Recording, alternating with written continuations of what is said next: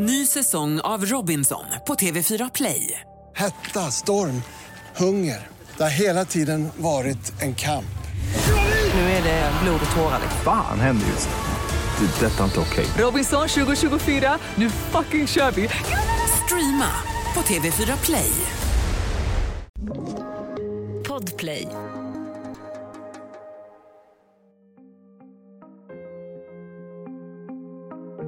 Rått kött på scenen, halvnakna kvinnor, texter om djävulen. Och till detta en musik på för hög volym med gitarrsolon som aldrig tar slut. När hårdrock slår igenom stort i Sverige på 80-talet skapar det en het debatt om att barn och unga nu kan förvandlas till knarkare och satanister. Och mitt i moralpaniken står Erika Norberg och undrar vad som är problemet med att gilla musik. Det här är Jag var där, en dokumentär från Podplay av Andreas Utterström och Mattias Bergman. Nytt avsnitt varje onsdag om du inte lyssnar genom Podplay. Där finns hela säsongen redan nu. Då kunde ju folk säga alltså att de tyckte det var lite löjligt med hårdrock. Mm. Hårdrockare var löjliga, de var töntiga, de var dumma i huvudet. Och det var bara idioter från någon, en nedsupen arbetarklassförort som håller på med hårdrock.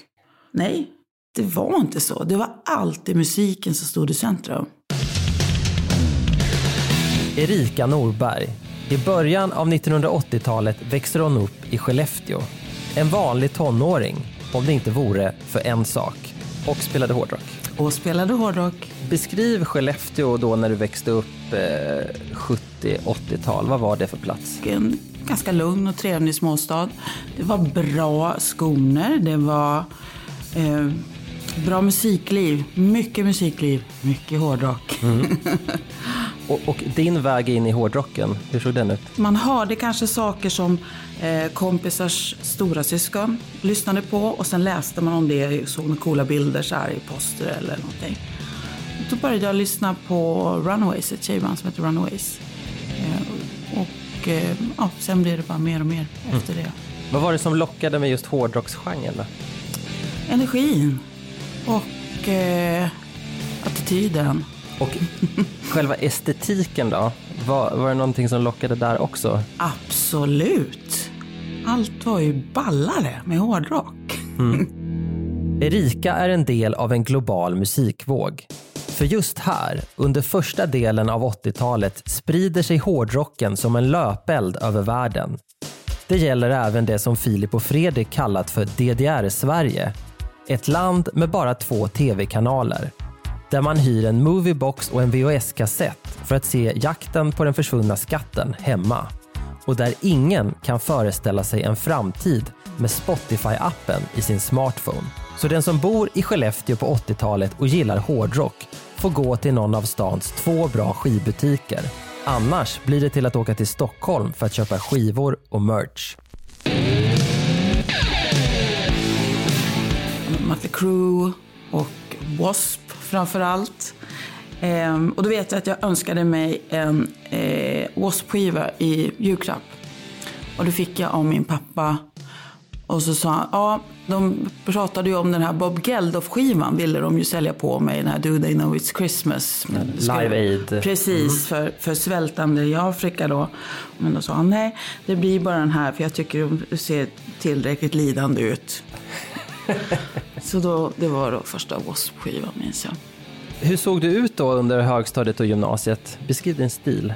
Ja, jag hade ungefär samma frisyr som jag har nu. Det vill säga blont hår som är strax nedanför axlarna och som är lite svårt att kamma ut här och där. Ja, jag hade jeans och eh, slitna jeans och, och fullt med såna patches och backpatches och band logos överallt. Och band-t-shirts?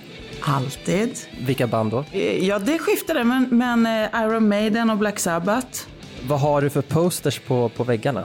Jag har Ozzy och jag har Black Sabbath.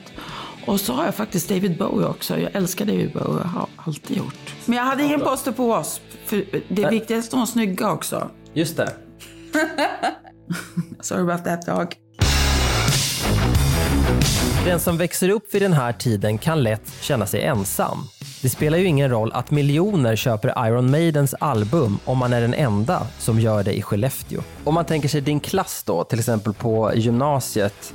Var det många där som lyssnade på hårdrock? Nej, det var nog ingen mer. Nej, så du stack ut helt enkelt? Jag gick dessutom humanistisk linje vilket, och med eh, inriktning litteratur och, och konsthistoria. Jag kände mig alltid inbjuden och accepterad. Sen att man alltid har känt sig lite utanför och lite som ett ufo. Men det kanske är något, jag tror jag liksom hör lite till den här livsstilen kanske. Men Erika är mer en musikälskare. Hon kommer att bli artist. Hur gammal var du när du började spela i band? 12, 13. Skellefteå är en ganska liten stad så att eh, den som känner den som känner den. Och så det som fanns var ju fritidsgårdar. Och som hade replokaler och sådär. Så där knöt man ju kontakter med andra. Och där kunde man också repa. Och, Ja. No apology, tror jag heter. och var det blandat tjejer och killar? Eller? Ja, ja, det var nog nästan bara tjejer i det bandet. Hon är inte bara småstadsbo och del av en musikgenre som tävlar med Michael Jackson. Erika är i minoritet av ett skäl till. Det fanns tjejer som gillade hårdrock, men, men det var ganska få. Eh, och framförallt så var det ju extremt få tjejer som var aktiva. Alltså, när jag började jobba, om man säger professionellt med hårdrock. Alltså, jag kan ju räkna dem på mina två stackars små händer liksom. Inte så konstigt att Skellefteå är lite för litet för Erika. Nej, jag har inte drömmar, jag har en plan. Jag ska ha ett skivkontrakt. Någon skulle ju hitta dig, tro på dig, lägga en ofantlig summa pengar på dig för att spela in en skiva. I princip omöjligt. Men, men jag är lite så med allting. Eh, Att, att har jag bestämt mig för något, då får det bli så. För då flyttade du direkt efter studenten? Då? Ja, dagen efter. Dagen jag efter? skulle egentligen, man tog studenten en fredag och så skulle jag flytta på måndagen och sen ringde några kompisar till mig och sa, ja ah, det är den och den klubben på, på lördag, Kom, kommer du ner? Så Mm. att då bara slängde jag ner allt i typ sopsäckar och så åkte Vad är orsaken till att du flyttade till Stockholm? musik. Det, det jag ville med, med mitt liv, det behövde jag nå Stockholm för. Och det är att spela i band. Men då har man Gula Tidningen här. Och där satte folk in annonser så här, band söker, sångerska söker. Så, att, då, ja, men träffade jag folk genom det. Först hade jag ett band som hette Moria eh, efter någonting i Sagan om ringen. Och sen hade jag ett band som hette Duchess. Och sen var vi med i Rock-SM. Rock-SM 1987 står Duchess på scen. Erika springer stan runt i jakt på en artistkarriär. Det spelas in demos och hon lyckas landa ett skivkontrakt. Parallellt med detta blir hårdrock riktigt stort. När hårdrocken slog igenom så där stort, då visste man väl kanske inte riktigt det i mainstream media. Så då drog man allt det man kan. Och säkerligen drog ju folk nytta av det också. Det ska vi ju inte sticka under en stol med. Just ett sätt att få uppmärksamhet. Ja. Men inget som blir riktigt stort kan heller undgå att utsättas för kritik. Och nu ska just hårdrock gå från tonårsrummens planscher till debatter och larmande tv-inslag. För vad är det ungdomarna lyssnar på för fruktansvärt skrällande? Kände du igen den typen av eh, tongångar från vad folk hade sagt till dig? Ja, absolut. Det, var, det känns lite som att det här med hårdrock och satanism och det, det, det kom efter den här videovåldsvågen. Innan det så var det videovåldet och Motorsågsmassakern. Erika har alldeles rätt. Moralpaniken om att video gör oss våldsamma har just klingat av. Det är som att samma gäng bara snurrar på huvudet och vänder blicken åt ett nytt håll. Och det är som det brukar med de här nya företeelserna. Det man inte förstår, det blir man rädd för. Ny säsong av Robinson på TV4 Play. Hetta, storm, hunger. Det har hela tiden varit en kamp. Nu är det blod och tårar. liksom. Fan händer just det. Det är detta inte okej. Robinson 2024, nu fucking kör vi! Streama på TV4 Play. Aj, aj, aj, det kluckar i rören. Men det är väl inget att bry sig om? Jo, då är det dags för de gröna bilarna. Spolarna behöver göra sitt jobb. Spolarna är lösningen. Ah, hör du? Nej, just det. Det har slutat. Ett poddtips från Podplay. I podden Något Kaiko garanterar östgötarna Brutti och jag, Davva, dig en stor dos skratt. Där följer jag pladask för köttätandet igen. Man är lite som en jävla vampyr. Man har fått lite blodsmak och då måste man ha mer. Udda spaningar, fängslande anekdoter och en och annan arg rant. Jag måste ha mitt kaffe på morgonen för annars är jag ingen trevlig människa. Då är du ingen trevlig människa, punkt. Något Kaiko, hör du på Podplay. Därför är gardinerna. Erika kan inte göra mycket mer än att stå vid sidan, se kritiken och fortsätta headbanga. För hatet mot hårdrock går som en löpeld över Atlanten. Från amerikanska kristna högern till svenska socialdemokrater som oroar sig över sina barn. Vad är det som gör att de snälla ungarna plötsligt byter stil och gillar låtar som “Some heads are gonna roll”? Inte spelar det någon roll då att själva musikerna är tekniskt och musikaliskt briljanta. Och framförallt, det finns en så otrolig kärlek bland hårdrockare. Det är världens snällaste människor. Världens lojalaste fans, världens snällaste människor. Man kan sätta ihop vilka hårdrockare som helst, nästan, i ett rum.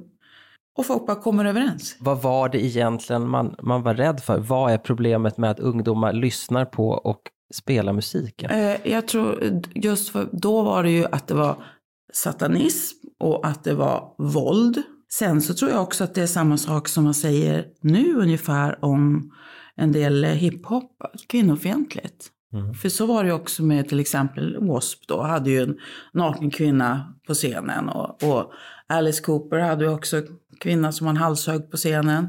Och så vidare. Så att det, ja, det, det kan man också vara så. Fruktansvärt kvinnofientligt skulle det vara också.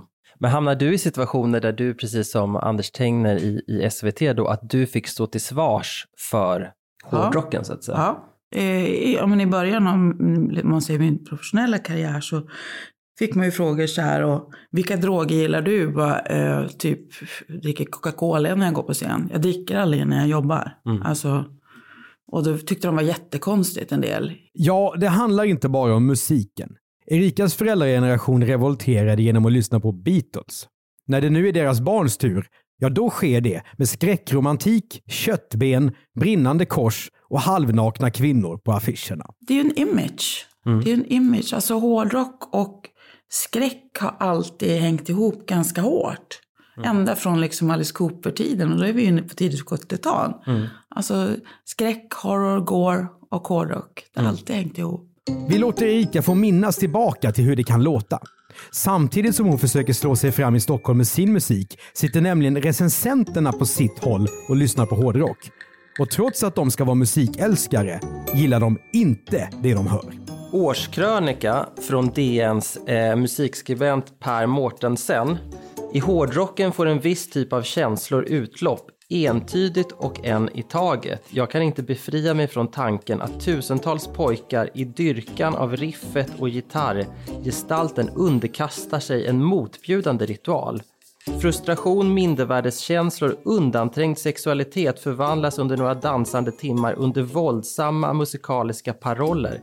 Känner du igen de här argumenten? Ja, ja, ja. Den, där, den där liksom eh, om, den där omhuldade precis allting som var snedbilden med hårdrock. Han blir arg över att ingen, kan, ingen av de som skriver kan förklara vad som är så bra med hårdrock. Våldssymboler och en musik som är så entydigt aggressiv och så ofta handlar om okultism, ondska och sadomasochistiskt sex är svåra att inte tolka som ett tecken i tiden, någon form av oförlösta behov måste den i så fall svara mot eller inspirera? Nej, och ockultism, satanism, ja. Man ville nog applicera det på många hårdrockare. Men det var väl ingen som sa till Europe eller någonting, är ni satanister? har jag aldrig hört. Har du fått den frågan någon gång? Ja, det har jag. Jag brukar säga att jag är ateist. Jag har gått ur Svenska kyrkan. När Judas Priest spelar i Stockholm 1984 gör Dagens Nyheter ett reportage med sex unga män som stått i publiken. Målet med artikeln? Försöka förstå vad männen får ut av just en larmande hårdrockskonsert med sin ljusshow och alla spektakulära uttryck. Du var också där? Ja. Vad minns du från den konserten? Judas Priest är grymma. Mycket av de hårdrockattributen som man använder, alltså nitar och så läder och lite så här, eh, sådana grejer Det kommer ju från Rob Halford, som sångaren Mm. i Judas Priest. Som är homosexuell. Mm. Så och försöka då anklaga hårdrockare, för de har vi också vara att hårdrockare är eh, homofober och så vidare. Nej, inte jättemycket. Och det här med sexualitet och könsnormer, det biter sig fast. Manliga artister som sminkar sig, det är suspekt. Vad är det egentligen för behov som män i grupp får utlopp för i hårdrocken? Det fastnar musikskribenten och proggaren Leif Nylén för när DN skickar honom på spelning med Whitesnake. I hårdrockens värld råder det däremot ingen tvekan om den sexuella identiteten. Män spelar för män utan att det för den skull snuddar vid något homosexuellt tabu. Det påminner snarare om ett slags kollektiv onani som inte är ovanlig i den manliga puberteten. Okej. det var nästan bara killar då. Det var tjejer som gick på konserterna. Men jag skulle säga att hälften av dem var där för att de ville hänga med sina pojkvänner eller någonting. Eller för att killarna var snygga. Det var mycket snygga band. Alla tycks glömma själva musiken. Kriget mot hårdrocken förs med andra argument. Ja, att symboler som pentagram är farliga. Att volymen är så hög att ungdomarna blir döva. Och att deras idoler ska bli inkörsporten till drogberoende. Det har ju all, hårdrock har väl aldrig någonsin förknippats med just hallucinogener. Det är knappt ens med, med liksom droger överhuvudtaget. Det är ju liksom alkohol. Jag fattar inte riktigt. Skulle, då, skulle folk gillas liksom LSD eller någonting? Men det, det fanns ju inte. Det, Hasch, meskalin, LSD, kokain och annat. hasch blir man bara trött av och så skrattar man och sen äter man KitKats. Vad sa du mer om? Meskalin, det är sånt här från någon kaktus och sånt. Just det. det och det är väl, alltså det, det är lite så här, ja det är väl hallucinogent. Kan inte svara, har inte provat. Dansbaneeländet, serietidningar, videovåld. Två saker har alla utbrott av moralpanik gemensamt. De handlar alltid om rädsla för att ungdomar ska ta skada och att ungdomarna inte själva kan bedöma vad som är bra eller dåligt för dem. Alltså det är ju verkligen att dumförklara ett helt, eh, jag på säga folkslag, en hel publik. Eh, och säga att man skulle bli så påverkad av så här, någon som står på scenen så här, nej men nu, nu ska jag nog börja knarka. Eller, sen så ska man alltid ha något att förfasas över. Men eh, Elvis var ju livsfarlig när han kom. Erika Norberg fortsätter att älska hårdrock. Men när 80-tal blir 90-tal närmar hon sig pop och får en hit med “Together We Lost”. Erika hamnar etta på Trackslistan. 1991 är hon Sveriges näst mest populära kvinnliga artist, efter Carola. Musiken blir en karriärkarusell och sen går det fort. 90-talet det blir år av grunge och hiphop-scenen växer snabbt. Och den hysteriska debatten om hårdrock, ja, den tystnar. Då försvann det Ja, här. just Då, det. då var det ju inte farligt längre för då hade ju hårdrock bara blivit löjligt. Det är inte så farligt. Jaha, någon dum tjock gubbe som blev bet i huvudet av en fladdermus var Ozzy Osbourne då som liksom var då tio år innan hade varit jättefarlig så att de måste skicka politiker till Solnahallen eller Just det det. var. Men sen flyttar moralpaniken vidare. När internet och gaming blir ungdomarnas främsta fokus, då är det det som blir hotet istället.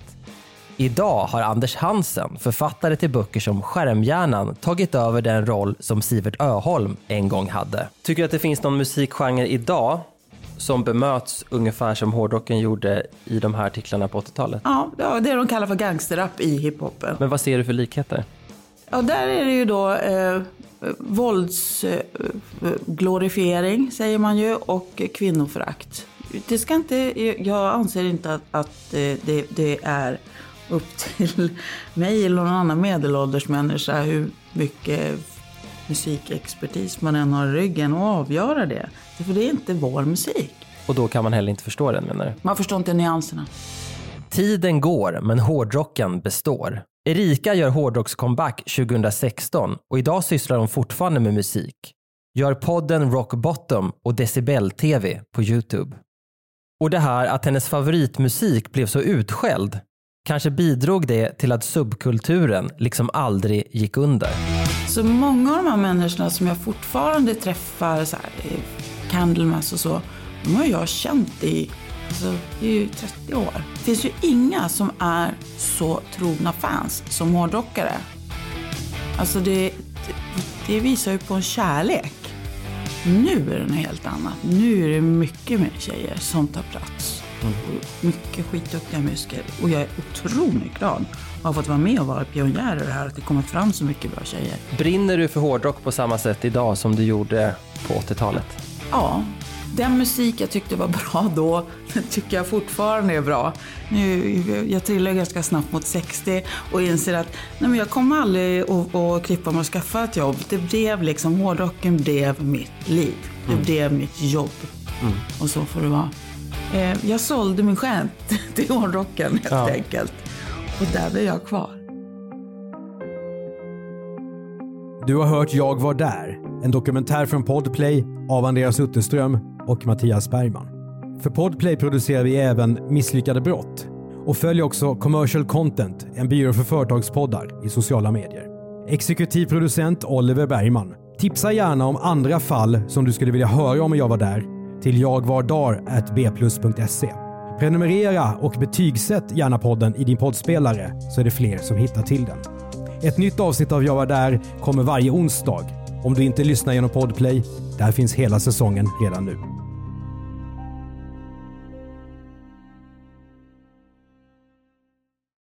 Ny säsong av Robinson på TV4 Play. Hetta, storm, hunger. Det har hela tiden varit en kamp. Nu är det blod och tårar. Fan händer just nu. Det. är Detta är inte okej. Robinson 2024, nu fucking kör vi! Streama på TV4 Play.